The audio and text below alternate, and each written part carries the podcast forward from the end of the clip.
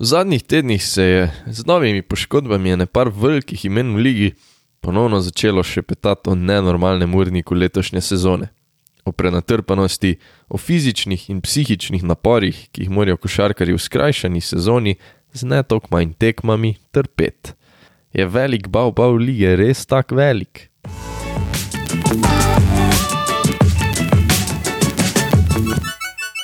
Odgovor je ja in ne. Jaz sem prvi v vrsti, ki bo vodstvo poslal v K, ker se ne strinjam z določenimi vidiki, ki jih peljujejo, a v tem primeru je težko dobesedno izmeriti, v kakem obsegu je liga NBA kriva za te poškodbe. Pa kaj je sploh razlog za te razburkane vode? V prejšnji epizodi sem se spopadel z Denverjem in hudo poškodbo Džamala Mrja. Le nekaj dni kasneje si je neugodno zvil gležen Donovan Mitchell. In to je le olje na ogen velikih imen, ki so v letošnji sezoni dal cajta počivala. LeBron James, Anthony Davis, James Harden, Kevin Durant, Joel Embiid, CJ McCollum, Gordon Hayward, Carl Anthony Towns, D'Angelo Russell in Christian Wood.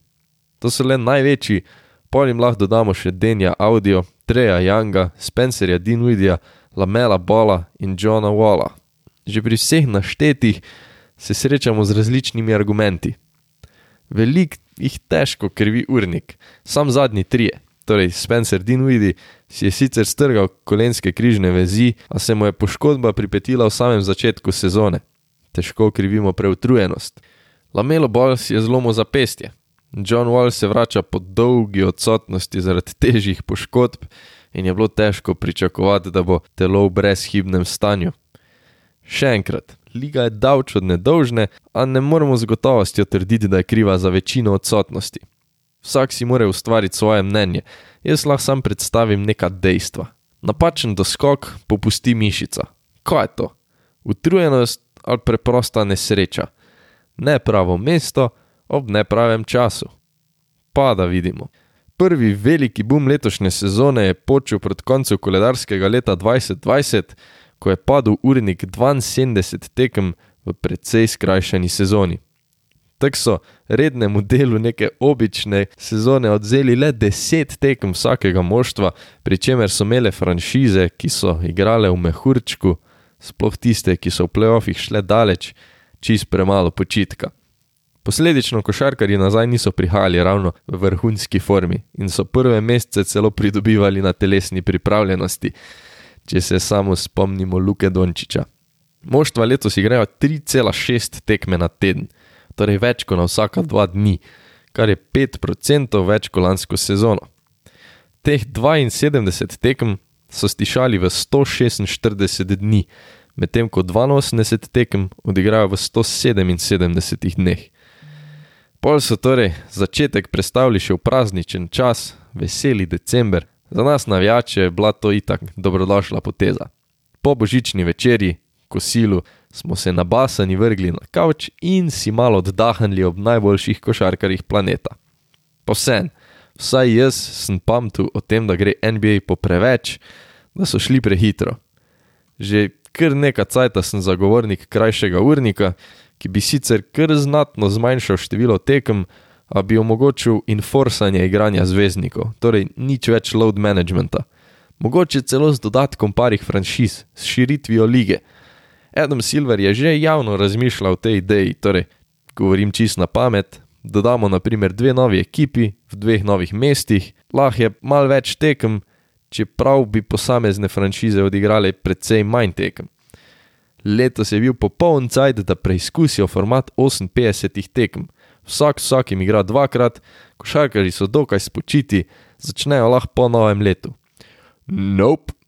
Ampak, tu pride do enega plot twista. Vok te zgodbe, Adam Silver in vodstvo lige je rablo potrditev košarkarjev, da so omenjen plan lahko speljali. In košarkari so ga potrdili da so lahko ohranili višino svojih plač. Kljub temu, torej, da je NBA pripravila ogaben plan, da bi vsaj po mojem mnenju mogli se bolj prilagoditi situaciji, so imeli igravci ta plan možnost skencelati. Čeprav bi itak s tem eh, doživeli ogromne izgube. Ampak kaj jaz zamerim vodstvu je All Star Weekend? E, to je grozno, kljub obljubam in dogovorom, da ga letos zaradi očitnih razlogov ne bo, so se odločili, da brez tega pač ne gre. Dodatno potovanje, dodatni postopki, ukrepi, dodatno tveganje, dodatna tekma, ko smo pričakovali počitek, ki bi košarkarjem več kot očitno prišel prav. Moramo se itak špilati hudičevega odvetnika in razumeti, koliko je tudi liga kot organizacija zgubila s pandemijo, da vse prilagoditve še dodatno stanejo in da je All Star Weekend ponavadi en tak bankomat sred sezone, ko se priključijo tudi malo manj zagreti navijači, ko je poudarek na šovu in ne na košarki. In da je iz tega vidika bil All Star Weekend mogoče letos še pomembnejši kot pretekla leta. In čeprav zdaj gledamo nazaj, je vse potekalo dokaj brez zapletov, razen da Embiid in Simons, Filadelfijina zvezdnika, nista zaigrala zaradi stika z okuženim, čeprav sta že odpotovala v Atlanto. Vse bilo je preveliko in preveč, tako neempatično tveganje. Cel vikend so kar se da uspešno probali nagužati v en večer, protokoli so bili tako psihično kot fizično naporni za zvezdnike, v primeru kakšne poškodbe ali pa okužbe pa bi navijači vodilne verjetno nage vlekli čez šmirgl papir. Si predstavljate, da bi bil na tekmi nekdo okužen, da bi zbolelo 15 največjih zvezdnikov lige, da jih dva tedna ne bi bilo, koliko ljudi pol ne bi gledalo tekm, koliko bi liga zgubila, koliko bi sami sebe lahko streljali v nogo. Na račun denarja so torej tvegali svoje kronske dragulje, jih obravnavali kot zobnike v tistem bankomatu na mestu ljudi. Ti ljudje se itak z neverjetnimi plačami že vsem precej trošijo in bi jim par dni počitka med sezono verjetno pomenilo to, kako si mi predstavljati ne znamo. Ker dejstvo je, da je liga slabša in manj privlačna, kot najboljši košarkari planeta ne igrajo. Bodi si zaradi poškodb, bodi si zaradi počitka, ki ga je tudi letos malo več, čeprav liga že nekaj let strajno obljubila, kako bo eh, take franšize hudo udarila po žepih. Tudi liga je sicer poskušala prilagoditi urnik, da je bolj prijazen košarkarjem in potovanju. Letos velikrat eh, zaporedoma vidimo tekmo istih nasprotnikov, da je kar se da mal potovan. Vsem težko govorimo o tem, da so to zadostne prilagoditve. Velika imena so veliko odsotna, bodi si poškodbe, bodi si počitek. Zaradi vse več neugodnih poškodb, pa se zdi, da tista moštva, ki si to lahko privošijo, počnejo kar oboje. Torej, ko prije do kakega nelagodja pri zvezdniku, niti ne rabi biti poškodba, jih lepo v miru porihtajo, jih ob robu igrišča držijo še kako tekmo dlje, kot bi bilo potrebno, da se jim ja zlato jajce franšize ne razbije. Tu potem niti približno ne moremo mimo groze in straha okužb s COVID-om. Tudi te so letos postošile po ligi, zamikale, predstavljale tekme. Ena moštva so pol mogla igrati tako s tremi basketaši, če malo pretiravam.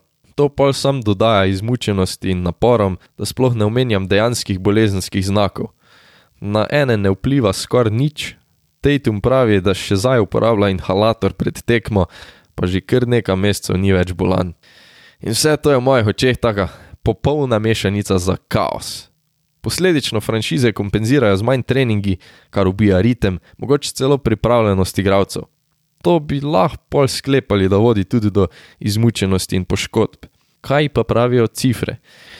NBA je 15. aprila po Mrjevi poškodbi objavila en tak prispevek, da so eh, se malo zavarovali. Od takrat sta se sicer od mal boljših eh, poškodovala tudi Mitchell in Young, ampak si predstavljam, da se številke niso tako hudo spremenile. Pri NBA ugotavljajo, da čeprav je več odsotnosti pri A listi košarkarjev, je procentualno približno 6 odstotkov manj poškodb kot lani. Če vzamemo neko povprečje preteklih petih let, pa smo v normalnem rangu. Trener Denverja Mike Malone misli, da je vse kriv urnik. Če ga citiram, Pravi, da pri igravcih vidi utrujenost, da se pozna tako na njihovih telesih, kot na govorici telesa. Mri se je na tisti tekmi, ko se je poškodoval, vrnil po odsotnosti, tako da dober teden ni igral tega tempiranega urnika, a njegovi soigravci so odigrali pet tekem v sedmih dneh. To ni človeško. Fili bo po All-Star Breaku odigrala 36 tekem v 58 dneh. To so nore številke, nor urnik, ki vsaj po mojem mnenju more vplivati tako na fizično kot na psihično stanje košarkarjev.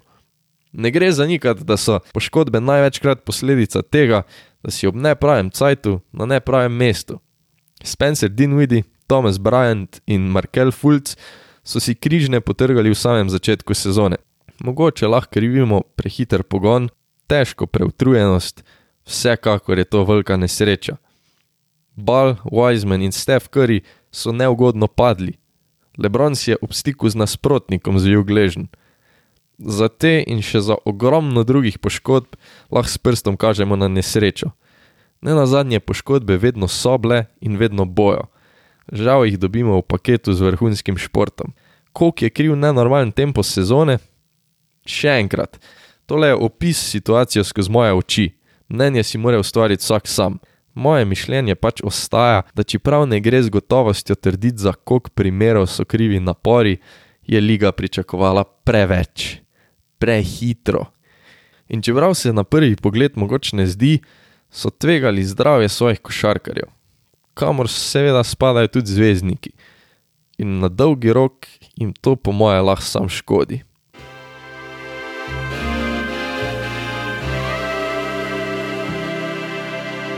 To je to za danes. Hvala vsem, ki ste poslušali. Izjemno pa vam vesel, če se odločite naročiti, oceniti ali pa napisati review, ker to face pomaga podkastu. Navdušen bom, če podate kak komentar, kritiko, tudi mogoče kaj si želite slišati, ker je od naslednjih epizod. Najbolj pa vam vesel, če se odločite priporočiti prijateljem, ker vsaj v mojih očeh to pomeni, da vam je res od srca všeč.